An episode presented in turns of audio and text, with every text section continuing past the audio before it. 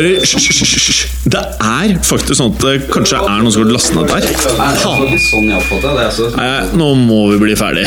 La meg bare få spilt inn her, da. Velkommen til fotballuka!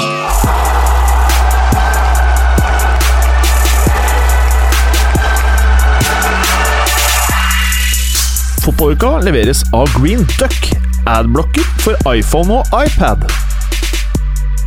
I dagens fotballuka Overgangsmarkedet er endelig åpent, og det betyr silly season. Pepti City, Pepti United, Pepti Chelsea hmm. Ingenting er sikkert, annet enn at vi blir en stor trenerattraksjon rikere i Premier League neste sesong. Hazard i dårlig form, sa du? Hm Det betyr nok ikke så mye når Real Madrid tørster etter stjerner. Lurer du på hvor Stones ender opp? Lurer du på hvor Lacassette ender opp? Lurer du kanskje på hvor om Benzema endelig blir Arsenal-spiller? Vi aner ikke, men vi skal spekulere masse i dag. Alt dette og veldig mye mer i dagens fotballuka. Er det greit at vi starter en podcast? Det er greit. Veldig bra. Hallo, Gallosen! Hei, Hei, du! Eh, litt spesielt eh, antrekk i dag, eller? Ja, eh, til meg å være. Ja, altså du har jo buksa på kne, først og fremst. Ja, det blei litt varmt her inne med superundertøy og bukse. Ja, fordi vanligvis i studio så er det litt kjølig. Jeg har fått beskjed om at i dag skrudde jeg på alle ovnene på maks, og det ble kanskje litt varmt, det da, skjønner jeg. Ja, og så pleier jeg ikke å ha superundertøy på meg her inne heller, Nei. så jeg undervurderte kraften deres. Så for dere lyttere, det jeg sitter og ser på her nå, er en mann på 2 meter og 15 som sitter Fem. med dongeribuksene på ned til anklene. Så sitter jeg og ser uh, rett inn i uh, et område som er litt mørkere enn resten av uh, tekstilen. Og det er da rett under Dette tok tid, altså. Jeg visste ikke hvordan jeg skulle forklare det. Men i alle fall, jeg ser på en lyseblå Er det Ulvang-undertøy? Nei, det er ikke noe merke, tror jeg. Det ser ut som du kanskje har kjøpt litt på billigsalg. Ja, jeg fikk det til jul av noen tanter for et par år siden. Ja, Du er tydeligvis fornøyd med den. Og du kjems ikke for å vise den frem! Nei, Nei. Nei ikke, ikke den lange underbuksa. Og den er kombinert med en nydelig hettegenser hvor det står 'Original Nea Philadelphia Aek Aten since 1992'. Ja. Ja, Og hva er dette for noe rart? Eh, Det er vel en supporterklubb for AEK Aten, Ja, så vidt jeg vet. Jeg fikk den av en tyrker, bare sånn for å gjøre det Men de liker vel ikke AIK Aten? Det er veldig kompliserte greier, dette her. Vil du forklare? Nei. Veldig kjapt. Eh, De liker AIK Aten, noen av dem. Ok, Ja. Og det er fordi Nei, det er jeg ikke helt sikker på. Sikkert noen private årsaker. Mm. Men den skulle da bli gitt meg som en gave, og den er jo gitt meg av en mann som er mye mindre enn meg. Som ikke er 2,15? Ja. Kan du skjønne. Så jeg velger å trekke opp ermene for at det ikke skal se helt nerd ut. Ja, for du ser jo ikke nerd ut eh, akkurat nå, da. Og dere lyttere, han drev og klødde seg på låra. Som i og for seg egentlig ikke er noe gærent i det, men uh, Men begge samtidig, det var litt rart. ja, det var litt rart. det var en Rart. forsvarsmekanisme. Og så har vi en annen her! Som ikke har stort mer klær enn eh, deg, Olsen. Er det, det er deg, Preben. Det er det. Ja. Det, ble, det ble veldig varmt. Det gjorde det. Fikk på ovnen Mm. her. Nå måtte til og med skru ned ovnen. Men du har ikke bare tatt av deg nedentil. Du har tatt av deg oventil òg, du. Da har jeg. Jeg kan faktisk fortelle litt om den uh, longsen her, for den er faktisk kjøpt rett utenfor Vicarage Road. Ja, Bjarne var der for fem-seks år siden. Fire, fem, seks. Å, ja. ja. Bikkjekaldt. Så Januar. det, så det der har redda deg på en fotballkamp tidligere. Det har den. Watford, Mm. QPR. Det her er et meget Kaldt. godt valg å ha med i fotballuka Det denne uka. Tenkte ikke på det før akkurat nå. Veldig bra. Og så er det Mads Berger. Du eh, sitter jo med buksa på, du. Ja, for jeg har ikke, mm, jeg har ikke eh, stillong, så du ga meg beskjed om at du ikke ville ha rumpa mi rett ned i stolen. Fordi du har hva under jeansen din? Alltid kommando, ingenting. Ja. ja. Mhm. Bra! Da er denne podcasten i gang, i hvert fall. Montagu. Mo Montagu. Er vi ferdige med å prate om Hamlet? Eller hva er dette for noe? Shakespeare? Romule. Men Veldig bra, Bergeren. Mm. Fordi du eh, har jo tatt uh, Twitter-navnet ditt etter en opera. Eller en ballett, eller noe sånt. Ja. Ballett eller opera? Nei, opera. Tryllefløyten. Mm. Tryllefløyten. Ja. Da ble det Tamino, 82. for du var født i 1982. Ja. Det er smart. Mm. Veldig bra. Tamino var nemlig tatt. Tamino, ja. Jeg er bare Tamino, så jeg måtte ta det. 82. Veldig bra. Tusen takk. Preben, kan Ja. du eh, kanskje starte europadelen vår? Med, da, vi kan jo først si at det var utrolig mye pauser. Så det er ikke så mye å hente ut fra verken Bundesliga eller league Ø. Eh, og da er det jo veldig greit at eh, det har skjedd en god del i Spania. Valencia Real Madrid spilte jo 2-2.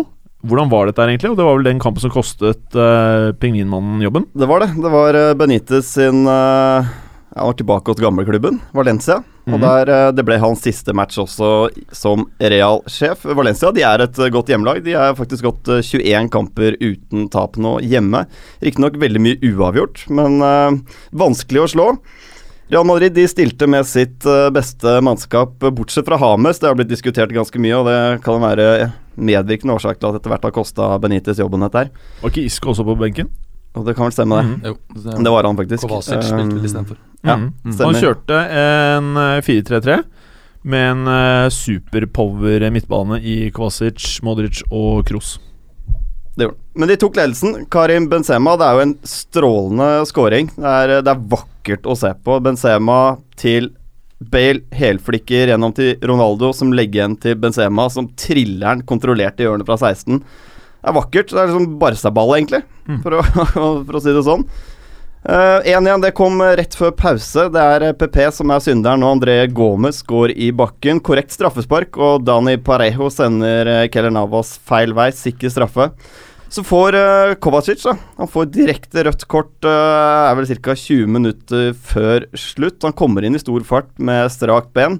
Det, jeg syns det er greit rødt kort. Jeg har sett det blitt gitt gult mange ganger, men det er klart at uh, dommeren er i, Han gir jo dommeren mulighet til å vise den ut her. Pluss at i Spania så liker de å statuere liksom Det der var ikke så bra. Rødt kort. De liker å gi kort, rett og slett. Ja. De gjør det. Så kan vi jo nevne også at Parejo er jo da tidligere eh, Castilla og Real Madrid-spiller, da. Stemmer. Mm, mm, Men man skulle jo tro det at Valencia og Gary Neville skulle presse på, på for sin, sin første seier da, som trener for eh, Valencia, men det var faktisk Real Madrid som presset på med ti mann og tok ledelsen eh, 2-1. Det var åtte minutter før uh, full tid. Det er et uh, frispark uh, fra Tony Cross som Bale header vakkert i mål. Og da tror vel alle at nå er tre poeng eh, tilbake til Madrid, men det går ikke mange sekundene. Valencia går rett i angrep og utligner ved, ved Paco Alcacer. Det er et innlegg som eh, Rodrigo header ned til Alcacer, som styrer videre i mål. På slutten av matchen så har begge lag sjanser her til avgjøre, og det er kult å se at begge går for trepoengeren her. Mm. Men det ender 2-2 til slutt, og det ble da Benitez sin siste match, og det hadde det vel nesten blitt uansett. Vi snakket jo om det før sesongen her, da idet han ble ansatt, så begynte vi å spekulere i når får han sparken. Og det er jo et meget rart valg av uh, Perez i det hele tatt å ansette Benitez, og så sparker du egentlig den ultimate treneren for et så stjernespekket lag som Real Madrid faktisk er. Det kunne jo aldri gå bra. Jeg tenker nesten Selv om de hadde vunnet Champions League, så hadde han fått sparken, rett og slett for han ikke er eh, Han er ikke sexy nok for Nei. Real Madrid. Rett og slett. Ja.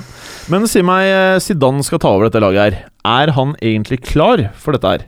Det, det, det tror jeg ikke vet før, eh, før om noen eh, uker. Uh, han har åpenbart eh, tillit i spillergruppen. Han har stor pondus pga. sin historie som spiller, men det er klart at som trener så er han noe ubeskrevet blad. Mm. Han har jo ikke trent et A-lag tidligere.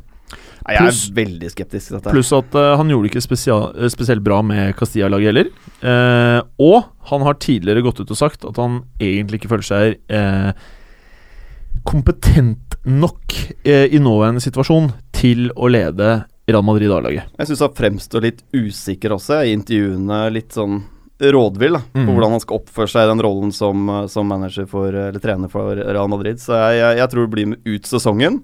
Så kommer helt sikkert dette Det er gode spillere på det laget her, så det kommer til å gå helt fint. Men uh, jeg tror dette kan uh, koste de både første- og andreplassen i La Liga.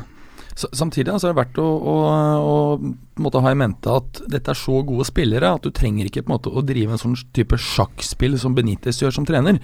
Eh, Lar du dem på en måte slippe seg litt løs, sånn som eh, eh, Carlo Ancelotti var flink til, så kan det kanskje være nok til å oppnå, oppnå gode resultater. Ja, Det blir spennende da når Zidane eh, nå skal lede laget mot de store klubbene etter hvert i Champions League. Hvordan han uh, velger å opptre taktisk. For det, har vi jo, det er jo egentlig ingen som vet hvordan det kommer til å se ut. Nei, kanskje bør man helst ikke vite det, men vi kommer til å få se det. Så det blir spennende. Eh, Español Barca 0-0. El Derby Barceloni. Mm -hmm. 9. Ja, på katalansk. Å ja. Ikke aner. Mhm. Mm, da lærte vi mye. Ja, Barca var eh, ikke overraskende det beste laget. De har uh, Messi har frispark i tverrlegger, de har Suárez har skudd i stolpen på åpent mål, og de burde selvfølgelig vunnet den eh, matchen her. Men det ender 0-0 til slutt. Skuffende for Barcelona, men de tok jo revansj nå på onsdagen. I Copa del Rey så møttes lagene igjen, kan du nevne det, hvor Barca vant 4-1 hjemme etter to skåringer av Messi og Piquet og Neymar. Eh, Riktignok etter at Español fikk et par mann utvist på slutten der. Så um, skuffende 0-0 dette her for, uh, for Barcelona. Så, og, og rundens vinnere ble jo Atletico Madrid. Mhm. Og det kan kanskje du si litt om, eh, herr Gallosen? Atletico Madrid, som møtte det absolutte bunnlaget Levante på, hjemme på Vicente Calderón. Mm. Eh, de stanger lenge. Eh, kjører på, men Levante eh, forsvarer seg forbilledlig. Eh, I jakten på scoring så bytter Atletico ut både Haxon, Kåke og Angel Korea. En av de som kommer inn, er eh, en mann med et utrolig kult navn. Ganeseren Thomas Partey. Partey! Ja. Woo! Eh, 81 minutter så er det den defensive midtbanespilleren som eh, endelig får hull på byllen. En ganske uventet helt, kan du si. Det kan man si. Eh, det sørger for at Atletico faktisk går til topps. Helt til på topps. 41 poeng, to foran Barcelona, som Så- riktignok har en kamp til gode. Så der begynner faktisk å bli en riktig så spennende eh, sesong det til La Liga. Så det er ikke bare i Premier League at eh, det knives i toppen. Da skal vi nevne at Villarreal har sneket seg opp på 36 poeng også, så de er jo bare fem poeng bak Atletico. Så det er et, fire lag der som har skilt seg ut i toppen. Kult at Villarreal er med det er helt der oppe. Dødskult. Eh, så må vi nesten bevege oss over til eh, Serie A, eh, Morten. Milan-Bologna. Jeg tror aldri jeg har hørt deg kalle meg Morten før. Jeg tok meg selv i når jeg sa det. Så bare shit, hva er det som skjedde nå? Jeg vet ikke. Ja, jeg, Men, jeg må eh, bare summe meg, og så skal vi Grunnen fortelle. til det er for at du har ikke på deg buksene nå. Så jeg, jeg blir litt satt ut av det. Vi er på fornavn med hverandre så fort buksene forsvinner. Det var det som skulle til. ja, det skulle til. Nei, eh, Milan-Bologna, sa du? Det var det jeg sa. Ja, nei, det skjedde noe rart i Milano, altså. Uh, Bologna vinner eh, 1-0, etter at eh, Milan selvfølgelig har vært det dominerende laget. Uh, skapt ca. dobbelt så mange sjanser, hatt ballen mest. Eh, men det mest sjokkerende er kanskje at eh, matchvinneren for Bologna er en mann som er på utlån fra Sunderland. Sier du det? Han er med andre ord for dårlig for Sunderland. Blir matchvinner mot Milan. Det er Emanuele Giaccherini. Giaccherini, ja. Mm. Giaccherini, kanskje. Hvordan velger du å si eh, uttalen hans? Det er uh, Giaccherini. Det var eh, vi som uh, solgte han til uh, Sunderland. Altså Hvem er vi, ja? Juventus. Ja, Fordi du har jo eid en klubb som vi prata om i USA også. Ja, men Så det er litt frustrerende, eller litt vanskelig å vite. Nei, vi fikk ikke solgt noen spillere. Men apropos Juventus, dette var første Milan-tapet siden de tapte mot Juventus borte. Det skjedde 21.11. Mm. Hadde fire seire og to uavgjort siden da. Dette var en stygg strek i regninga, og Milan er nå fem poeng bak uh, toppkvintetten. Uh, Kvintett, ja. Kvintett, ja. Det er fem lag, uh, Ja. altså, ja nettopp. i en kvintett. Nei, de var best her, men det var Visste dere at det var fem? Ja, Ja, Ja, fordi fire er jo kvartett. ja ikke sant? Fire er kvartett, ja. Mm. Mm, veldig bra, Berger. Det var, noe, det var noe stokket over Milan, det var lite flyt, og ja, de fortjente kanskje ikke bedre til slutt. Bologna er nå sju poeng over streken. Overraskende for mange. Overraskende for veldig mange. Oss inkludert, Morten. Skal vi ta Palermo Fiorentina? det kan vi gjøre, men ja, det er litt ubehagelig når du kaller meg Morten. Altså. Det blir veldig intimt. Altså, det funker rett og slett ikke. det har blitt så kaldt at uh, etter at du sa det to ganger, at jeg nesten vurderer å ta på meg buksa igjen. Ja, det kan styrke forholdet vårt igjen. Palermo Fiorentina ender 1-3. Ja. Eh, fullt fortjent seier for et effektivt eh, Fiorentina. De har fem skudd på mål, skårer tre. Eh, Josip Ilicic fra Slovenia skårer de to første. Står 0-2 til pause. Så er det den gamle helten Alberto Gilardino, som har kommet inn etter timen og Problemer. Nei, jeg måtte se på Bergeren om det var riktig uttalt. Ja, Gilardino, ja. Mm. Gilardino. Mm, Gilardino. Å ja, sånn ja. Gilardino. Mm. Veldig bra. Han eh, kommer innpå etter timen og skaper et visst håp for det rosa hjemmelaget. eh, Kvarteret før slutt, men så er det Dortmund-utleide Jakub Blasjikowski. Du sa rosa hjemmelaget, ikke sant? Ja. For at bortlaget bortelaget her, de er jo lilla. Ja. Så det er litt sånn morsom eh, fargekombinasjon i motstanderne her. Det er det. Vil du ikke si det? Jo, jeg, jeg ville sagt det hvis ikke du hadde sagt det allerede. Det er bra, Morten. Ja. Uh, 3-1-målet på overtid av Cuba, som han er mer kjent som, etter forarbeid av Borja Valero. Uh, Fiorentina da fortsatt på andreplass. Poenget bak Internasjonale. Bergeren. Yes. Juventus Hella Verona. Hella Verona, faktisk. Hellas. Eh, Kutter man ikke ut-en? uttalt. Men, men eh, Hellas Kan du bare si det en Verona.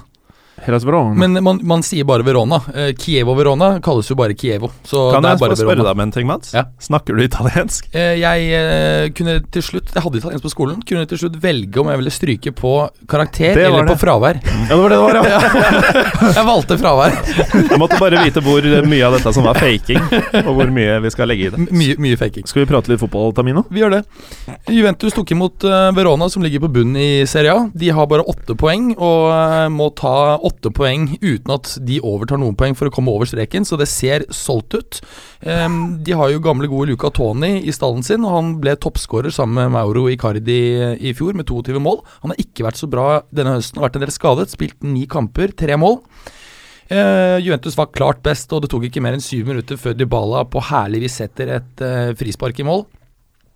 Uh, han har nå elleve mål i alle turneringer. Eh, Bonucci satte eh, rett før pause 2-0. Uh, surprise, surprise. Dybala som hadde assist på et uh, flott frispark Bare hvor uten cornerflagget. Glad er du i Dybala? Eh, jeg har ikke vært så glad i en spiller siden Del Pieros dager. Mener du det? ja. Hva med Nedved, da?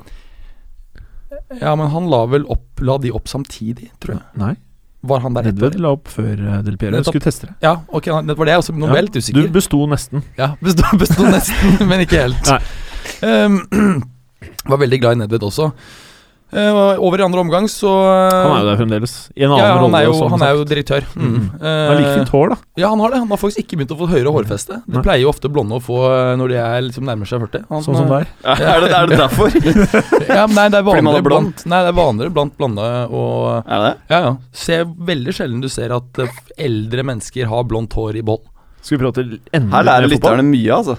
Ja, hva ja, er det? vi, vi fortsetter med matchen. Verona skapte lite, og Buffon hadde vel bare én eller to redninger i den matchen. Eh, Juventus var litt svake i liksom den siste tredjedelen av banen.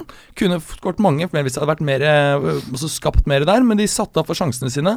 Simone Tsatsa, som har vært linket til flere lag i England, eh, kom inn på kampen og satte et flott gjennombruddspasning fra Pogba i Og han har blitt en riktig så viktig innbytter for Juventus. Han. Helt korrekt. Han har Mhm. skåret eh, fem mål på ti kamper, men interessant er at av de ti kampene så er syv som innbytter. Så han er svært effektiv. Jeg tror vi kommer til å selge han nå eh, for en høy pris til et eller annet Premier League-lag. Dybala var banens beste, Juves åttende seier på rad. Så eh, ja. Så hva? Så nei, så, så av, de, de, av de fire øverste lagene så er det ingen endring, for alle de fire vant jo. Ja, um, Da er det jo naturlig at du sier noe om Empoli Milan. Helt riktig. Eh, Empoli tok imot Inter. Eh, Inter vant 1-0. Eh, Faktisk så er dette Inters niende 1-0-seier i ligaen i år. Og det var som vi pratet om på mandag i, eh, Når vi skulle ta ut eh, laget vårt, så er det jo sånn at både Handanovic og Miranda er jo hete outsidere til nettopp dette laget. Og det er den defensive biten som gjør Inter til, til det laget er, de er på toppen av tabellen. da. Ja, det er jeg helt enig i, fordi at de skårer jo ikke vanvittig mye, uh, som nettopp da de 9-1-0-seierne indikerer. Og, eh, og eh, heller ikke her var det Altså, E- E- Empoli var faktisk best i første omgang. Empoli har jo eh, har gjort det ganske bra i år. De hadde mange gode sjanser, men greide ikke å sette det. Mot spillets gang så skåret Mauro Icardi på overtid i første omgang. Eh, Dette er, eh, altså Icardi slet jo litt tidlig i sesongen, fikk ikke spille så mye. Ble faktisk da linket en del bort, men har jo nå satt ganske mange mål. Eh, åtte mål eh, i ligaen, fem mål på siste fem kamper. Eh, over i andre omgang så byttet eh, Manzini Jeffrey Kondogbia og Brozovic, som spilte på hver sin side i en eh, trespillers midtbane, altså 4-3-3. Eh, og det gjorde at de hadde bedre kontroll på, på Empoli og surfet inn da 1-0-seier. Mm, klassisk Kievo-Roma. Kjapt. Ja, der var det ganske mye fart, for å si sånn. Livlig kamp med mange sjanser, også mange mål. Endte jo 3-3, og Roma da igjen avgir poeng. Ehm, Roma går foran 2-0, og det er jo nettopp svakhetstegnet med dette Roma her, at de kan gå foran, og så slipper de inn. Um, Du prøver å si at de er litt Everton? ja, de, de er litt, eh, litt Everton. Uh, De er dårlig bakover. Altså, Midtforsvaret er syltynt. Ja. Der må det gjøres noe. Og så han Stenschny. Han har ikke holdt holdt buret reint så mange ganger. Nei, han har ikke det. Han har Nei. ikke det. Men eh, det jeg hører, er at de faktisk er interessert i å For det er vel bare et lån, og de er vel Mhm. interessert i å faktisk gjøre det permanent. Ja, for Det er ikke Stetchnits skyld, føler jeg, da at Roma slipper inn veldig mye. Han har faktisk hatt en del veldig gode matcher for Roma, men det er eh, Forsvaret som er Det det er veldig svakt. svakt. Og, og, og det er jo litt trist, for de har jo egentlig er jo ganske bra fremover, bra midtbane, men, Ja. men de slipper har jo ikke noe beskyttelse for keeperen. Ehm, gikk jo da Kievo utligner eh, Nei, unnskyld, reduserer like før pause. eh, så utligner de i 58 minutt. Da står det 2-2. Så da Roma igjen ledelsen i 71. minutt, før eh, Simone Pepe, tidligere Juventus-spiller, avgjør da opp til eh, 3-3. Og Roma-trener Rudi Garcia sier da for n-te gang siste måneden at han ikke føler seg presset. Klassisk. Eh, siste fra Serie A. Napoli-Torino. Ja, Napoli eh, har jo hatt veldig sterk eh, hjemmestatistikk denne sesongen. Tok imot uh, Torino her. Til 16 minutter så uh, Napoli dominerte jo kampen helt klart. Etter 16 minutter så uh, setter Lorenzo Insigne inn 1-0. Eh, etter ca. halvtimen så får Torino en straffe. Den har vært litt diskutert om den var riktig eller ikke. Jeg så reprisene mange ganger, jeg greide faktisk ikke å avgjøre det. Men de får noe straffe. Fabio Caglia- Cagliarella, som er fra, opprinnelig fra Napoli, setter straffen. Over andre omgang så, um, så uh, Nei, unnskyld. På tampen av første omgang. På tampen. På tampen, Da setter Mari Kamsik uh, inn uh, 2-1. Eh, Andre omgang blir en roligere transportetappe, og, og Napoli surfer inn en, en 2-1-seier. Ja. Ålreit. Da tror jeg vi skal eh, avslutte her. Og nå gleder jeg meg så sykt til neste del her.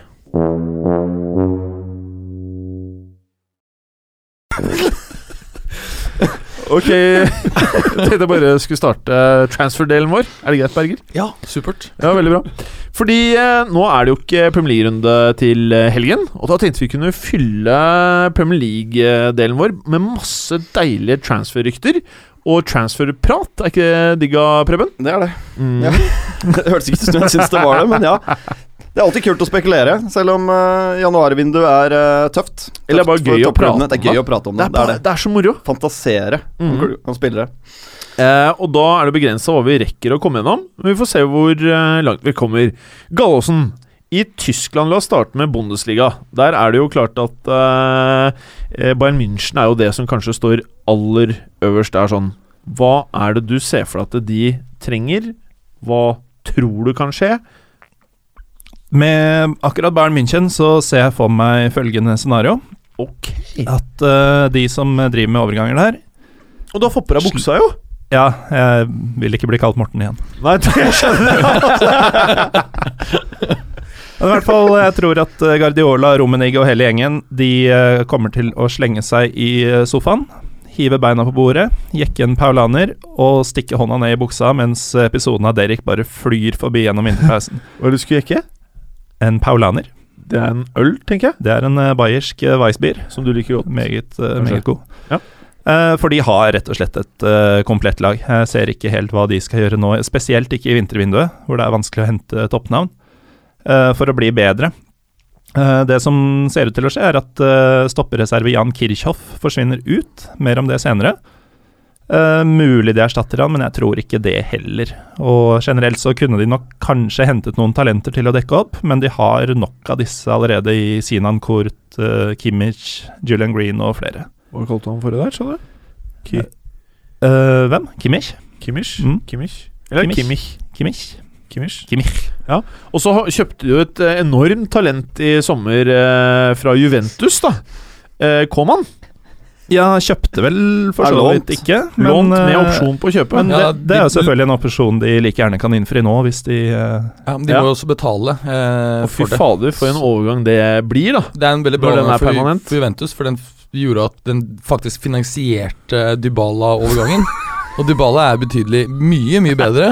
Uh, og vi kunne ikke For dere lyttere, så har jeg erta og terget Mats Berger hele uken på SMS med Koman uh, Når han pratet om eh, frisparket til Dybala, så skal jeg bare kjipt at Koman ikke er der, da.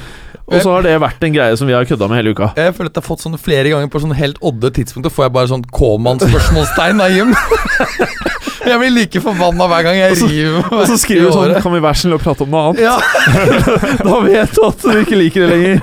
Det er ikke noe gøy, det er ikke noe moro. Nei. Men uh, det må vi faktisk bare si, da. At uh, Common uh, er jo en fantastisk spiller. Kjempetalent. Og uh, tidvis så er det bare helt utrolig å se hvor raskt han har kommet inn i laget, på samme måte som eh, Douglas Costa. Mm. Det gikk eh, sømløst eh, den overgangen, da. Sier litt om Pep Guardiola da, og hans eh, regime. Hvordan han uh, håndterer spillere. Uh, får de til å utvikle seg. Får, at får integrert de spillerne i laget. Og de har bare erstattet Ribberi og Robben. Så det er jo ikke sånn noe Det er ikke- det særlig sko å fylle, liksom. Det er enkel jobb. Enkel jobb. Får, de, får dem det til å se ut som, i hvert fall. Ja. Mm. Men eh, ja, jeg tror ikke eh, Bayern eh, foretar seg noe særlig nå.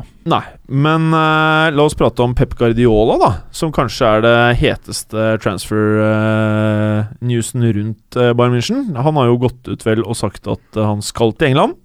Og så er ryktene nå blitt Intensivert Er det riktig? Berger? Ja, Ja. ja. Og det er Manchester City han skal til. Og tidligere så har jeg pratet om både United og Chelsea, selvfølgelig. Eh, og så skal det visstnok være, og det er, kan jo være det gråeste av alle ryktene, om at eh, Wenger selv har spurt Pep Guardiola om han kunne tenke seg å ta over Arsenal. Hva tenker du om det? Jeg tenker at det blir Manchester City, rett og slett pga. den linken til uh, toppgutta der. Hva er det det heter for noe? Det er Ferran- Tiki- Ferran- Tiki- Beg- Shiki Begiristain. Begiristain, og så er det Ferran Soriano. Ferran. Ja. Og så er det en del i coaching-staffen her også, som, eh, som er tidligere Barca-folk. Ja. Og han kommer jo til en klubb da med mye ressurser, og du ser jo det på alle topptrenerne. De som liksom er ranka som de beste trenerne i verden, det er de som svir av mest cash også. Og jeg tror han har ganske heftige krav hvis han skal ta over City, på at han skal ha inn noen spillende midtbanespillere. Han skal sannsynligvis erstatte Mangala osv. Men det, det kommer litt tilbake på når vi det går gjennom Premier prates jo faktisk mer enn noen om Lionel Messi. Er det realistisk at Messi noen gang skifter klubb, i hvert fall før han er eh, 30-30? Jeg tror, eh, jeg tror ikke det. Jeg tror eh, han kommer til å dra tilbake til Rosario muligens når han er noen og 30, altså i Argentina. Eh, Men jeg ser ikke at han kommer til eh, City til sommeren, det vil overraske meg. Men det som er litt med Messi Jeg føler nå at vi eh, Det her blir jo helt vilt eh, spekulativt av meg å si, da. Men jeg føler at eh, fra tidligere eh, deler av karrieren til Messi i Barcelona, så det har jeg sagt meg helt enig i. At det, det, er, det er helt utenkelig at han skulle skiftet Barcelona. Og hvorfor skulle han skiftet Barcelona? Eh, de vinner jo stort sett eh, alt. Bare kan godt være det er ett år de vinner et par titler mindre enn året etter.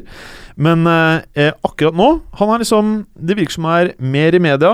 Han har eh, fått tatoveringen sin. En hel sliv. Eh, han har blitt mye mer utadvendt eller mye, mer eh, selvsikker og kranglete på banen. Han, det virker som han eh, har mye mer personlighet enn det vi så tidligere i karrieren, som er naturlig nok eh, noe med alderen å gjøre også. Og eh, linken hans, når jeg ser liksom hvordan de bare kjører alle disse bildene med Pep og Messi, hvor lei seg de var når eh, Pep skulle stikke Det er en vanvittig link mellom de to gutta. Så jeg er faktisk Jeg tror ikke det skjer, men jeg er eh, Jeg sier ikke bastant nei. Det, jeg gir en eh, 25% jeg, faktisk. Ja, altså, jeg er helt enig med at det er mye større sjanse, mye, klar, mye mer større tegn på at noe slikt kan skje nå enn det var for noen år tilbake. Eh, og hvis han skal gå et sted, så tror jeg det er nettopp til City, hvis Pep er der. Og så liker Messi veldig godt Aguero, som ga han en fin eh, julegave. Ja, ikke sant? Da kan de spille sammen og gå rundt i Manchester og være blide. Ja, ikke sant, riktig. I Og så- Og så er det det som kanskje kan få han til å ønske å gå, det er at han på en måte føler han har gjort alt han har kunnet i Barcelona. At han på en måte trenger en ny utfordring for å på en måte fornye seg. Eh, I tillegg så nevnes det at um, Og så, tenk, og så føler jeg liksom at spillerne tenker sånn Hvis Pep kommer et sted, så kommer han i hvert fall til å vinne ligaen, og kanskje Champions League. Ja. Så test noe nytt, og du vet at du kommer til å være et vinnerlag. Ja, og så er jo lønnen som det snakkes om, 8 millioner eller 800 000 pund i uken. Som er helt Eh, decent sånn. Som er på en måte sånn Helt helt, vilt. ja, som er på en måte helt ut av alle andre summer som er noen, noen Og Messi. Messi trenger jo de penga, så det skjønner jeg. Ja, han trenger. Ja. Og Da sparer opp til ny tatovering. mm, Det virker litt utenkelig at han skal forlate Barca, egentlig. Men uh, i fotball kan jo alt skje. Det virker jo noe mer sannsynlig nå enn det noensinne har gjort tidligere, Ja. men fortsatt veldig lite. Hvis vi går over til eh, Borussia Dortmund, da, Gallosen. Borussia, ja. Borussia. ja eh, de sender tilbake Adnan Januzaj til mm. United. Han har utretta like mye i Tyskland i høst som han har gjort i England de siste årene. Altså Men hva, hva, hva skal vi si om Januzai? Han var jo bare Han virket så superhot når han eh, kom eh, opp under Moyes. Og eh, så bare føler jeg liksom at eh, er, er det det at eh, han ble vist for mye tillit i en periode hvor United var for dårlig? At han rett og slett ble litt motsatt det? Eller er han faktisk bare litt sånn hypa? Og at han har av og til glimpses of brilliance, og så blir det med det? Ja, det, det jeg tenker er at um, Hvis vi går tilbake og ser på landslag, så sa han jo tidligere i høst nei til å stille opp for det belgiske U21-landslaget, og sa at det ville han ikke. Uh, og Det viser kanskje at dette er en ung spiller som har litt for høy uh, litt, litt for stor tro, eller litt for, setter seg selv litt høyt. da. Uh, og Det igjen kan kanskje være et tegn på at han ikke jobber hardt nok, fordi talentet er jo der. Jeg er helt enig. Det virker som holdningene er faktisk det som holder han igjen, altså. For å bli en topp europeisk spiller. Absolutt. Han fikk eh, 159 minutter i Borussia-drakta. Eh, det er ingen her som kommer til å merke noe. Eh, annet enn at dekninga på, eh, på kantene den begynner å bli litt uh, tynn, for de har også solgt eh, Jonas Hoffmann. Mm. Uh, de har jo Blasjikovskij, som jeg nevnte i forrige segment. Han har de på utland. Kanskje han burde hentes tilbake, bare for å dekke opp litt der. Kuba? Koba, ja. Mm. Det er morsommere å si Blasjikovskij. Ja, det, jeg klarer ikke å si det, faktisk. Jeg prøvde. Jeg tror faktisk det til og med er Bvasjtsjikovskij, fordi det er sånn strek gjennom L-en der. Ja da. Men uh, Du er språkspesialisten, det er jo ikke noe tvil om det. Nei, det er stor. Strek gjennom L-en, det hadde jeg glemt, det. Ja, sånn slash. Eh, men jeg tror nok eh, hoveddelen for, i vinduet til Borussia kommer til å handle mer om å tviholde på de som de har, enn å nødvendigvis handle så mye nytt. For kri, gribbene kretser jo rundt uh, spesielt uh, Mkhitarian og Aubameyang. Spesielt ABBA. Og det har gått noen syke rykter der i dag på Twitter, i hvert fall. Med Arsenal-link. Ja, og så er det jo stadig oftere at du hører sånn Nei, han er ikke til salgs, han er ikke til salgs fra Borussia-hold, og da merker de at uh, nå, nå Pluss nærmer det seg noe. Photoshop-gutta har blitt så sykt bra nå at eh, når jeg ser han i Arsenal-drakt, så blir jeg liksom begynner å fantasere enda mer. Så tenker hm, det der hadde passa. Mm. Jeg kan jo nevne én ting til bare med Borussia Dortmund. De har jo også avvist et bud fra Juventus på Ilkay Gundogan på 30 millioner euro. Uh, Ilkay Gundogan har jo sagt at han ikke kommer til å signere noen ny avtale. Dagens avtale går ut sommeren 2016, uh, unnskyld, toma- sommeren 2017. Så han kommer til å bli solgt til, uh, til sommeren, men antagelig går han ikke denne januar. Mm. Nei, det er ikke så mye mer å si om eh, Dortmund. Du kan jo ta med at eh, stopperne Subotic og Hummels De har ikke vært like mye til å stole på de siste sesongene som de Allikevel så linker Subotic veldig mye Klopp, da. Ja, eh, og det er det. Altså, begge har vært mye ute med skade, begge har vært litt opp og ned i form, Og Subotic stopper, så- eh, linkes ut. Så eh, stopperplass er et sted som de bør fokusere på, uansett om de mister Subotic eller Mm. ikke. Men eh, Ikke til forkleinelse for de andre lagene i eh, Bundesliga, men eh, hvis vi går videre fra Tyskland over til eh, Frankrike, og da er det vel spesielt ett lag vi må eh, fokusere på, det er jo PSG. Ja, Mye cash, alltid keen på å skifte spillere. det er det. Eh, jeg tenker litt sånn som med Bayern München, at det er ikke Det er veldig mikroskopiske ting som du eventuelt kan forbedre, i hvert fall nå i januar. Eh, keeperplassen ja, Den som skiller seg ut, den er jo en vits. Jeg mener jo fortsatt at Sirigu er den eh, klart beste av keeperne deres. Enig. Trapp er førstekeeper, gjør veldig mye rart. Uh, Sirigu mista jo plassen fordi han gjorde en del rart. Uh, så skal de forsterkes uh, noe særlig, så er det keeperplassen. Uh, Ja. Uten at jeg ser hvilken topp, topp keeper som går i januarvinduet. Fordi PSG herja jo på sesongens lag på mandag. Ja, ikke sant. Mm. De gjorde det. Så er det jo eh, De har jo to brasilianske stoppere som eh, sakte, men sikkert eldes. Eh, de blir jo eldre med verdighet. Men de har jo en brasiliansk stopper som sitter og venter som gjedda i sivet. Det er nettopp det. De har godeste Marquinhos, som nå stadig oftere ryktes ut. Og Men hva i all verden skal han koste? De betalte jo 35 euro når han var 18 eller 19 fra Roma. Hvis han skulle gått nå, hva slags priser hva slags summer er det man prater om da? Ingen anelse. Men eh, dersom han er tilgjengelig, så bør hele Europa kjenne sin besøkelsestid. Og han kan spille back også. Det kan han. Det er utrolig merkelig salg av PSG hvis han eh, går. For Mm. han er jo eh, skreddersydd for å ta over eh, for den første av de to som blir dårlig. Riktig. Ja. Noe mer? Nei da, det Nei. er ikke så mye mer å si her. Uh, hvis vi da ser litt på um, Italia, uh, Mats Berger. Ja. Juventus. Har de noe snacks som du ser for deg? Ja, Juventus har jo da prøvd å, å kjøpe Ilka Gundogan, fordi man har jo på en måte et, et, et, eh, visst savn etter den kreativiteten som eh, Andrea Pirlo representerte i dyptliggende playmaker-rolle. Likevel så tror jeg at uh, klubben egentlig er mer keen på en trekkartiste, altså en uh, nummer ti-spiller. Og Isco er en spiller som har vært mye linket, som jeg vet at Juventus er veldig keen på. Det Nå- bør alle lag i hele verden være. Det, det tror jeg alle, alle er. Hvis uh, Perez er så gæren at han finner ut at han må ut. Grunn. jeg, jeg tror at uh, Isco ikke kommer til å gå for Real Madrid nå som Zidane har kommet. Hadde, hadde Pingvinen. Be, pingvinen fortsatt, Mhm. da tror jeg han hadde prøvd alt han kunne for å komme seg bort nå, for å øke sjansene for å få spille i, eh, i sommerens uh, europamesterskap. Og det er også, Apropos Europamesterskapet, så vil vi nok kunne se at det er en del spillere som er gode nok for sine respektive landslag, altså europeiske spillere, som ønsker seg bort fra eksisterende klubb for å få spilletid nok til å komme til uh, EM. Men eh, det er mulig Juventus kommer til å selge Simone Tsatsa, som vi snakket om tidligere i sendingen, eh, til antagelig til en eh, Premier League-klubb som eh, Hoster opp Palace har vært nevnt. Det er godt poeng det du sier med EM, altså. Fordi, men jeg tror vi kommer til å se veldig mye lån eh, mot slutten av januar her. Av spillere som er desperate for å få spilletid i andre klubber. Jeg tror ikke det blir salg, jeg tror vi snakker lån ut sesongen, og så vil det eventuelt skje noen overganger når vi nærmer oss sommeren. Veldig godt og viktig poeng. Noe annet?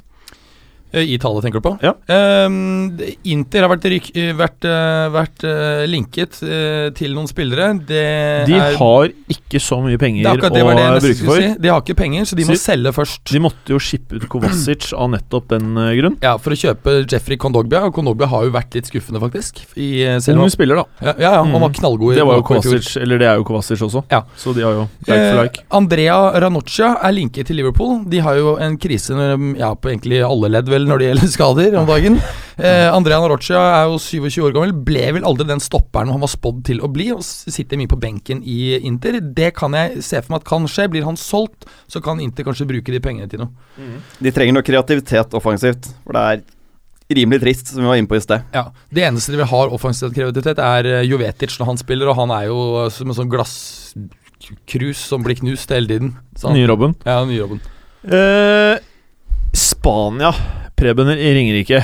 Real Madrid. Skal de gjøre noe mer enn å mose Zidane på trenerskinnen? Nei, altså for, for Real Madrid sin del nå, det er jo en del klubber nå som er i en eh, sånn overgangsfase, skal få ny trener til sommeren, og, og jeg er ganske sikker på at Zidane er ferdig til uh, sommeren. Av egen vilje, eller at han bare ikke kommer til å kutte mustard? Jeg tror ikke han eh, fikser dette her. Men, eh, men det, det er spennende å se, og, og vi kan egentlig gå inn på trenerspørsmål til Real Madrid eh, med en gang. Altså, men de har brukt opp fryktelig mange trenere nå de siste 10-12 åra. Så spørsmålet er hvem er det de skal hente inn? Altså, de Til sommeren. brenner. Ja, altså Eneste jeg kan komme på, er San Pauli, faktisk. Eh, Ja, Chile-treneren. Ja, Mm. som, som har gjort det veldig bra. Men, men det er jo ikke veldig mange alternativer for Real Madrid etter hvert. Så Så vi begynner prater- å snakke om Alan Pardew, da begynner det å bli Jeg og eh, Bergmeister pratet jo faktisk om Pellegrine. Pellegrini, som eh, sikkert uh, må rett ut uh, grunnet uh, Pep. Ja. Nå er russeren i London ganske keen på han angivelig. Men Pellegrini han gjorde det ekstremt bra i Real Madrid. Spillerne elsket han. De spilte kanskje noe av den mest sexy fotballen i Madrid siden første Galactico-æraen. Eh, han hadde vel poengrekord i sesongen han tok over. 100 poeng. Og så klarte Mourinho vel å slå det noen år senere. Eh, han mener jeg kan være en eh, kandidat. Det er jeg helt enig. Jeg Mm. tror han kan være en uh, innertier for uh, Real Madrid uh, sånn som det er nå. Men Real liker ikke å gjøre det lett for seg selv. Nei. De ønsker gjerne å ja, hente litt feil karer og skape litt spenning. Ja, så, så har du jo både en uh, Massimiliano Legger i Juventus, som er svært svært dyktig, spesielt taktisk, og Conte, som antagelig er ferdig for Italia. De skal ut på markedet. Nei, i hvert fall Conte. Jeg håper ikke Allegri skal ut på markedet. Nei. Men på, på spillersiden til Real Madrid, da jeg, det, er, altså, jeg er selvsagt et komplett fotballag, bortsett fra én posisjon, og det er den defensive ballvinneren, altså den Makelele-typen de hadde for noen år siden. Det trenger de for at de offensivt skal kunne blomstre ordentlig og tørre å gå i angrep. Men føler du ikke Casemiro egentlig er eh, ganske Han bra? Han er i den rollen, men jeg syns ikke han er god nok for Real Madrid. Jeg tror de trenger en på et enda høyere nivå. Eh, og gjerne en som ikke er en Galactico-type. En som uh, rett og slett ikke er så opptatt av håret sitt og skal se bra ut og alt dette, men være en ordentlig kriger og piske litt. En samme hårfrisyre som dere, mener du? Ja, rett og slett. En, en skalla midtbaneterrier er akkurat det du trenger. Kan hente Esteban Cambiasso tilbake. Noe sånt nå. Gravesen. Ja, men det skjer nok eh, neppe noe i Real Madrid eh, nå i uh, Da januar. tar du like gjerne Barca også, du, Preben. Det kan du gjøre, og Barca de registrerte jo nettopp 77 nye spillere, så de bør være i mål med januarshoppinga nå. Og Arda Turan og Alex Vidal spilte nettopp sin første kamp. Ja. Mm. Og Turan var veldig bra. Og alle er veldig opptatt av at han har lagt ut eh, selfies sammen med Suárez, Neymar og Messi, for da betyr det at eh, de liker Toran. Mm. Så det er veldig bra, da, visstnok. Det er nesten Ja, det- viktigere hvordan han spilte i kampen. Tyrkisk media gikk naturligvis bananas etter at han debuterte der. Ja, At det- de likte vel det? Ja. Og du likte det? Uh, ja, for så vidt. Og Turan kan være en fin arvtaker for Iniesta på sikt. Iniesta begynner vel å synge på noen av de siste versene, i hvert fall, så, så langsiktig kan det være bra. Han kan jo også fylle to roller. Han kan jo både ta det gapet som eh, Pedro eh, etterlot seg, og han kan spille litt der Savi pleide å spille også. Absolutt. Men det de eh, mangler for å bli helt komplette, er jo en eh, midtstopper ved siden av Piquet. Og der mener jeg faktisk at uh, Toby Aldevareld kunne vært en strålende signering for Barcelona. Han er, eh, han er ballsikker, han er god i oppspillsfasen, posisjoneringssterk, duellsterk. eh, god til å lese spill. Rett og slett godt fotballhode. Så Men jeg det tror han ville passet helt- veldig bra inn i, Ja, det er enig, Barca. men det er helt no go, selvfølgelig. Ja, nå i januar skjer jo ikke det, Nei. men til sommeren så kan det være en mann de kan gå all in for. Men han kommer selvfølgelig til å bli jævla dyr. Kjenner jeg uh, styreformannen i Tottenham, Daniel Levy, rett, så, så blir det mye pund som må, må ut av vinduet der. Ja, jeg tror ikke det skjer noe. Nei. Som sagt, 77 nye spillere. Det får kanskje holde i januar. Vi kan jo ta kjapt uh, Atletico Madrid. Det er vel ikke så veldig mye de trenger å gjøre. De oser jo av både rutinerte eh, spillere, som uh, fortsatt er knallbra og kanskje er på sitt peak, og masse unge talenter. Det eneste er vel kanskje en eh, spiss, og da må vi prate om Diego Costa. Og så har vi fått litt blandede feedback her. At uh, du har en klubbpresident som bl.a. har vært litt uh, vag og sagt at han kanskje ikke er keen på han. Og nå er de plutselig veldig keen på han også. Så, og han vil jo selvfølgelig bare slåtte rett inn i laget og forsterke. Eh, og er nettopp den type spiller som Simone ønsker at en nummer ni skal være. Ja, for at uh, vi må vi har snakket om det tidligere, at vi har vært litt uh, skuffet over Haxon Martinez. Uh, så det er nok ikke uh, utvilelse Jeg tipper at Leko kommer til å, å kjøpe en goalgetter i sommeren. Fordi Grismann er en litt annen type. Litt annen type. Eh, og få håpe han blir, da. Eh, hvis vi beveger oss til eh, Premier League, og så kan vi da starte med Man United, Gallosen. Ja, eh, det laget ser jo så svakt ut at det er vanskelig å vite hvor man skal begynne. Eh, Når hele laget ser svakt ut, så er det jo naturlig å begynne med treneren. Og lyttere, dere som blir veldig lei dere, som er Manchester United-supportere, og det er litt viktig at det er så veldig mange av dere, så ikke Twitteren bare går opp i, i liminga her, så er faktisk Galåsen også en United-supporter, så ikke vær lei dere.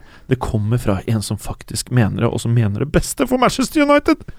Var det sånn jeg skulle bli outa som United-sympatiser. Nei, men du skjønner hva jeg mener. Så ikke hele Fotballuka går rett i vifta her, ikke sant. Det er litt ufordelaktig, ikke sant. Ja, det skjønner jeg mener. Nei, men altså, jeg, jeg, er overbevist om at hovedproblemet ligger hos eh, van Hal, og ikke i spillergruppa. Ikke venstreback-posisjonen. Uh, nei, ikke Skal ikke forsterke det mer. Nei, der har de nok spillere, riktignok uh, av varierende kvalitet. Nei, altså, jeg tenker van Hal må førerlesiden ut. Eh, og da er det jo eh, Giggs som nevnes ofte, siden han allerede er der og har vært grooma til den stillingen en stund. Og så nevnes Mourinho. Tosesongstreneren. Ja. Jeg har eh, i og for seg null tro på sistnevnte. Jeg tror United fortsatt håper at Guardiola skal være mulig å få inn til sommeren. Da kan de ikke hente Mourinho nå. Mm. Eh, så jeg tror, og nærmest håper for Uniteds del, at uh, van Hall forsvinner ut, og at Giggs f.eks., eller noen andre caretakers Så det viktigste der er egentlig bare få ut uh, han med nesa, og bare få inn noe smooth. Ja, og greia nå er at de, de kan jo ikke kjøpe noen spillere nå. For det første har van Gaal fått så mange millioner og milliarder av penger å bruke spillere på, og de vet ikke hvem som skal trene laget neste år. Og det kommer helt an på de spillertypene de skal ha inn. Altså De kan ikke kjøpe en spiller nå som ikke passer inn i den spillerstilen til den treneren de skal ha til sommeren. Skal de ha Diego Simione, skal de ha Pep Guardiola, så er det to forskjellige stiler. Skal du, og Da må du liksom velge om du skal ha en John Stones spillende stopper, eller skal du ha en Ryan Shawcross duellstopper. Så det blir helt For de klubbene nå som vet de skal bytte trener til sommeren, må bare ligge lavt på Ja, sofaen. Eh, da kan jo du si litt om eh, City, Preben. Det skal jeg gjøre, og, og det virker jo veldig klart nå at uh, Altså, alle rykter tilsier at Pep uh, kommer til å ta over dette laget her. Og med Pep inn så tror jeg John Stones kommer til å være en het mann for City, og en mann de definitivt bør bringe inn. Ja, for de har jo ikke brukt noe særlig på å stoppe de. Det er i hvert fall feilkjøp. Altså Mangala ser jo Det har vært inne på mange uker nå at han ser han er klønete med ball, dårlig posisjoneringsspillet. Alt er egentlig feil med han. Otamendi ser dårlig ut ved siden av. Otamendi ser bra ut ved siden av Kompani. Så det er et eller annet med Mangala her som bare sprer usikkerhet, og Demichelis er jo ferdig. Men uh, med, med, med Pepin så er jo John Stones en uh, perfekt stoppertype. Spillende, teknisk god. Vil passe strålende inn i det laget. Og så har det vært noen ville rykter som var inne på da med, med Messi og Piquet og Pogba og Alaba og disse her. eh, Så vi får se. Men jeg tror hvis Pep kommer til sommeren, så tror jeg de kommer til å bruke sykt mye penger til sommeren. Jeg tror ikke Pellegrini får en krone nå i januar. Nei, jeg er helt enig, bare fullføre veldig raskt i forhold til dette med trenere. Jeg tror ikke vi får se at denne trenerkabalen begynner å, å gå opp før Pep eh, Før det offentliggjøres hvor Pep går. Så Pep, Pep er er hele nøkkelen, greia. Han, er nøkkelen for å få dominobrikken til å begynne å eh, falle innen trenermarkedet. Og Bayern München har vært så smarte at de faktisk har ansatt eh, kanskje verdens nest beste trener. Det Så eh, de gjør det motsatte av Madrid. Eh, hva med Liverpool, uh, Mr. Gallosen? Ja, der er det jo Det er eh, ikke noe spennende å se stopper igjen. Nei, det, det var brukt opp. Eh, Det er spennende å se hvor mange gamle kjenninger Klopp eh, faller for fristelsen til å hente inn. Etter at de var linka til Grosskreutz tidligere, så kan jo hva som helst skje, tenker jeg. Eh, og spillere som ikke lenger er faste i Dortmund, som han har et godt forhold til, er bl.a. Sven Bender og Lukas Piszczek. Mhm. Eh, så det er to navn jeg hiver ut der. Har ikke spesielt troa på Piszczek, egentlig, siden Klein er en av de få jeg syns leverer ganske bra jevnlig. Enig. Ehm, så er det sånn at uh, Lacassette omsider virker tilgjengelig, men uh, der har de jo tre spisser allerede, så det er litt dårlig timing der. Det som er greia med Liverpool, er at det er veldig mye skader nå. Og det er, det er helt håpløst å kjøpe inn spillere fordi du har skader. Da Mm. sitter du plutselig med syv midtstoppere da, til slutt, hvis du skal drive og demme opp for dette hele tiden. Det viktigste for Liverpool er faktisk å få de gutta friske, og at de kan spille fotball igjen. For da har de et relativt godt fotballag. Det har det. Eh, du nevnte stoppere. Det er en uh, Schalke-duo som er eh, hyppig nevnt eh, i forbindelse med Liverpool, og det er Leroy Sané, som ikke er stopper i det hele tatt, men et gigantisk offensivt midtbanetalent. Og også Joel Matip, som er en kamerunsk eh, høy stopper med høy, høy risikofaktor. Gjør veldig mye rart, men er også veldig duellsterk. Høres ut som en eh, morsom spiller å følge, i hvert fall. Ja, han vil være en attraksjon eh, på godt og vondt eh, for eh, Premier League, men han vil jo på sett og vis bli en ny Saco. Ja, En veldig ulik midtstoppertype fra de midtstopperne Liverpool har fra før. eh, noe mer? For nå må vi kanskje videre. Marko Grujic fra Røde Stjerne er omsider klar. Eh, veldig klopp å hente talenter fra mindre ligaer. Har truffet bra på det før med pol diverse polske spillere i Dortmund. Eh, Milos Jojic kom jo fra samme land eh, i sin tid, traff noenlunde greit på den. Og Grojic visstnok et større talent enn Jojic var, så det blir spennende. Med tid og stunder. Leicester-prøven. For Leicester sin del så handler det først og fremst å beholde de gutta de har ut i januar, og det tror jeg de klarer. Så blir det litt verre nå til sommeren, hvor uh, Mares høyst sannsynlig blir solgt til en eller annen klubb. Vardy tror jeg faktisk de får beholde i et par sesonger til, og grunnen til det er jo at uh, alderen hans, han er vel 28 nå, og er, jeg tror ikke det er noen av de klubbene som er bedre altså, Det er ikke så mange som er over de på tabellen, men som er, er større da, i England, som har lyst på Vardy. Grunnet alder og alt dette her som kommer rundt han også. Jeg, jeg, jeg tror heller de vil gå for andre større navn av de store klubbene, så Vardy tror jeg faktisk blir i Leicester en uh, god periode fremover.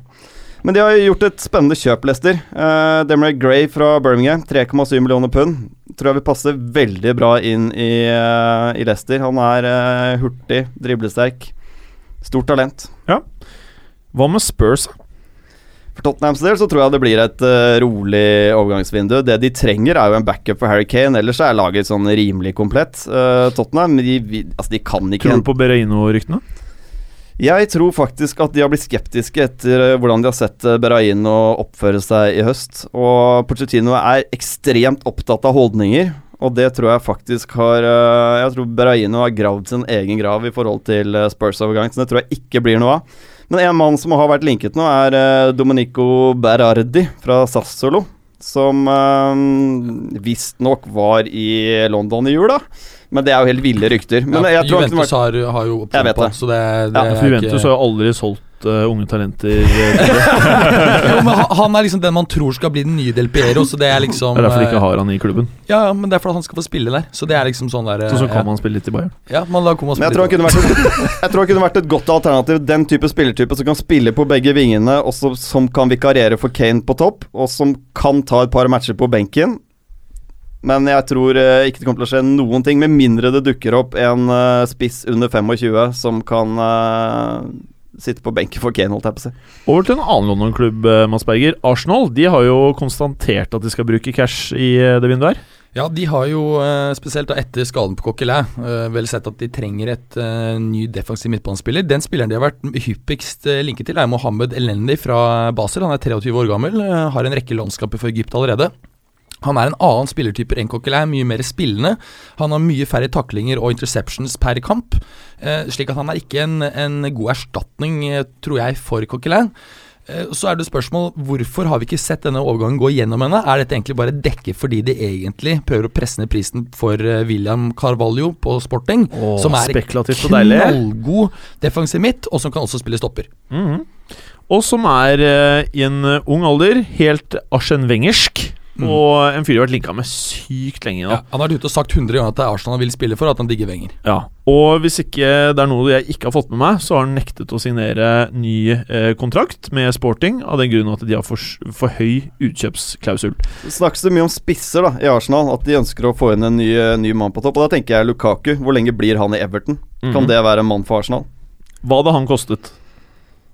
50? Ja, jeg tror det, tror det er 50, jeg tror det er, ja. Nei, jeg tror det er 50 pund. Ja, fordi Mino han eh, selger ikke ting billig. Han gjør ikke det. Han skal Nei, han blir selvfølgelig dyr, men det er klart at Lukaku gidder ikke spille på et lag som ender på 11.-plass, 10.-plass hver sesong. Han kommer til å presse fram en eller annen overgang, så jeg tror ikke nødvendigvis at den blir så høy, den overgangssummen. Men uh, jeg Og- tror han går videre snart. Over til et annet London-lag, Berger. Chelsea. What's Chelsea, ja. Eh, Azar har jo visstnok uh, sagt til mange kjente at han ønsker seg bort. Det kommer ikke til å skje i januar, eh, det er jeg ganske sikker på. Eh, Falcao har de ikke vært så fornøyd med. Han har jo skåret ett mål på hver elleve kamper. Han er don, han. Han er, Han er i ferdig. Monaco, han. han er i Monaco, har jeg hørt nå, at han skal sendes tilbake fra lån. Monaco er visst åpne for å ta han tilbake. Så for så er det mulig at Lucas Ocampos, argentiner som spiller på Marseille, vil komme på lån. Han har bare fått fem kamper eh, fra start denne høsten. Eh, Han er fin, altså. Hæ? Han er fin. Ja. Meget fin. Og, Og og, det kan være en, og de er villige til å låne han ut, så det kan være en, eh, en interessant uh, mulighet da. Jeg tror ikke Loic Remy går denne, dette vinduet her. Det blir med helt til sommeren. Uh, og jeg tror ikke Chelsea kommer til å gjennomføre noen store kjøp à la Alex Teixeira eller John Stones. Jeg er helt enig, jeg tror det blir lån. Jeg sa jo det i sted med disse managerskiftene. De aner jo ikke hvem som skal lede laget til sommeren. Håpløst å kjøpe spillere nå. Mhm. eh, hvis vi ser helt, helt, helt i bunnen av tabellen, eh, Preben, der finner vi Aston Villa. Det gjør vi, og dette her var jo Mats innpå på mandagens sending. Jeg er helt enig i at Aston Villa De må bare forberede seg på championship neste år og bygge en championship-stall. Altså De har jo mange poeng har de opp nå. Er det, det Har ikke eieren faktisk gått ut og sagt at eh, det er uunngåelig med Erik? Hvilket er helt sykt å Ja, melde det det er- offentlig, da. Ja, 11 poeng. smartere. å gjøre det. 11 poeng opp til trygg plass nå. Jeg, jeg tror ikke Aston Villa kommer til å skrape sammen 11 poeng resten av sesongen engang. Men som Altså, spiller, hvis eieren av klubben går ut og sier at det er nedrykk allerede, halvspilt sesong, er ikke det helt sykt, da? Ja, men Da kan du mentalt begynne å innstille på at dette her blir championship. Og Da kan du tenke skal jeg gå til et annet sted eller ikke, og så kan klubben da Så- heller begynne å forberede seg på. Og Sånn Greilish i hvert fall får motivasjon til å dra til Malaga og ta en uh, tur. jeg, jeg tror faktisk det er bedre av Aston Villa. Nå for alle neste skjønner år. at de går ned når du spiller Ja. på det laget. Du skjønner at dette her blir championship neste år. Det er, det er liksom ikke noe vits i å lure på engang. Men spørsmålet er jo om Hadde dere hørt på det, Preben, i starten av fotballuka, Ja. så hadde dere visst at det ble gjort noe annerledes. Ja, For du altså- sa det jo med en gang. Jo, det, men det, det er fordi du ser på spillerstanden. De mista Flar, de mista Delf, de mista Cleverly, som var på lån der, og, og Benteke. Det er hele sentrallinja gone. Gone. Uh, men spørsmålet nå er jo om Remi Gard er mannen som faktisk skal lede de i championship, for det er en ganske spesiell liga. Så der må de ta en prat og se om de skal gi Remi Gard muligheten til å bygge opp et nytt lag, og kanskje ta til takke med en 14.-plass i championship neste år, da, for å bygge opp Altså, vi må, klubben på nytt. vi Eller må om de få skal inn eh, Cuba Carlsen snart, hvis vi får prata litt skikkelig Aston Villa, nedrykk Ja, og det ene og andre. Jeg tenker litt at de, de kanskje må vurdere da om de skal gå for nå og, og snakke litt med Remi Gard, og, kanskje man skal avvikle dette her til sommeren og få inn en uh, Dyche, en, en Nigel Pearson altså, Engelskmenn i en divisjon eh, ned. Ja, som eh, Nei, eh, han uh, gamle Burnley. Burnley. Hadde ikke vært fint med en Alardici Jeg tror ikke han Han venter på sånn Premier League-jobber fortsatt, tror jeg. Altså. Han tror jeg faktisk selv håper på at han, han, han Jeg tipper han går ut og tenker Hvis jeg gjør det bra nok med Sunderland nå, så kan jeg ta over Manchester United. Han er sånn som går rundt og tenker sånn. Ja, jeg tror ikke han er klar til å ta over en championship-klubb enda. Men, eh, men, men Villa må bare rett og slett tenke gjennom på styrerommet hva er det vi Når vi forbereder oss på championship, bygge en championship-stall. Bra. Gallosen, Sunderland, Alardici. Hva Ja. skal de gjøre? Jeg nevnte tidligere Jan Kirchhoff eh, fra Bayern på vei ut derfra. Det er Sunderland som lenkes eh, kraftigst til han. Eh, 1,95 høy stopper eh, slo gjennom for et par år siden i, eh, i Mainz i Bundesliga. Du eier han da med 10 cm. Ja, han er smågutt. Mm. Men det er en no-brainer. Kan du få han, så må de ta han. Det er akkurat det de trenger bak der. Et hint av tysk profesjonalitet. Mm. Eh, og det er jo tydelig at uh, Alardici tenker alardicisk. For Oh. eh, en annen som eh, ryktes inn eh, ganske kraftig, er Lorians eh, 1,92 høye stopper Lamin. Fra, med fire landskamper for Elfenbenskysten. Oi. Eh, så Sterke i kroppen. to stoppere på vei inn. Jeg vet ikke om de skal ha begge, men de har jo tidligvis spilt med tre bak, eller tre stoppere. Eh, og jo lenger unna elveren du kan få Jonas Kabul, Billy Jones, uh, West Brown, den gjengen der, uh, jo bedre er sjansene for å overleve. Det er litt spesielt når du bare har dårlige stoppere, så velger du å bruke tre av dem samtidig. Det er Det er litt artig. Det er ganske. Og så er for så vidt ikke dette holdt på å si offisielle Sunderland-rykter, men jeg ser på børsen at spillere som uh, Andros Townsend, eh, Steven Naismith og ikke minst Alan Jagoev visstnok er eh, folk som ryktes til eh, liksom nedre halvdel av Premier League. Jagoev. og noen av disse bør jo snuses på om tilgjengelig. Jeg tenker jo at eh, Steven Naismith det er jo en drøm å se han i Sunderland. Ja, ja. Krige og kjempe og svette og blø foran der. Det har jeg lyst til å se. Mm. Berger, Newcastle. Ja.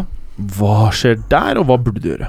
Newcastle slipper jo inn mye mål og skårer lite. Tredje mest uh, innslupne og tredje færre skåret. Men det er likevel spisser Det er dårlig kombo. Det er dårlig kombo. Men det er likevel spisser de, eh, de linkes mest til. De ble faktisk ikke noen artikler i går som eh, at de hadde fått godkjent et bud på eh, Alexander Lacassette. Eh, Men han ville ikke dit. men han ville ikke dit. Nå i dag så har Jean-Michel Aulas, presidenten i Lyon, vært ute og sagt at han mener at eh, Lacassette skal bli i mange år. Å, du mener Aulas? Ja, Olaya. Ok. Mm, ja. Jean-Michel Aulas. Og, og jeg tror ikke Lacassette kommer til å gå nå, spesielt ikke med tanke på at uh, det er kanskje større sjanse for at han glipper eller ikke får spille i euroen hvis han nå går til en ny liga, skal uh, på en måte gå inn i et nytt system, en, lære seg en ny liga, kanskje da vil prestere dårligere. Og bli en dårlig spiller. Ja. En annen spiller som kanskje kan gå dit, som har Premier League-erfaring, og som har sagt at han vil bort, det er Niklas Bentner. Men jeg vet ikke om du akkurat overlever Oh. Lord Bentner ass. jeg keen på å se Premier League, Altså. har tre mål på 28 ligakamper for Wolfsburg. Er dyktig, dyktig spiss. Ehm, så jeg, jeg tror at Newcastle kommer til å bruke penger på en, eh, en spiss. Kanskje, og det vil være et godt valg av den, Simone Tsatsa fra Juventus. Vi selger for 250 millioner. Veldig smart. Ja, da takker jeg for det. Og da må vi takke for uh, i dag. Og det var deilig å prate om transfers i dag, ikke sant det? Ja, absolutt. Digger det. Digger det. Ja, jeg ble varm av det.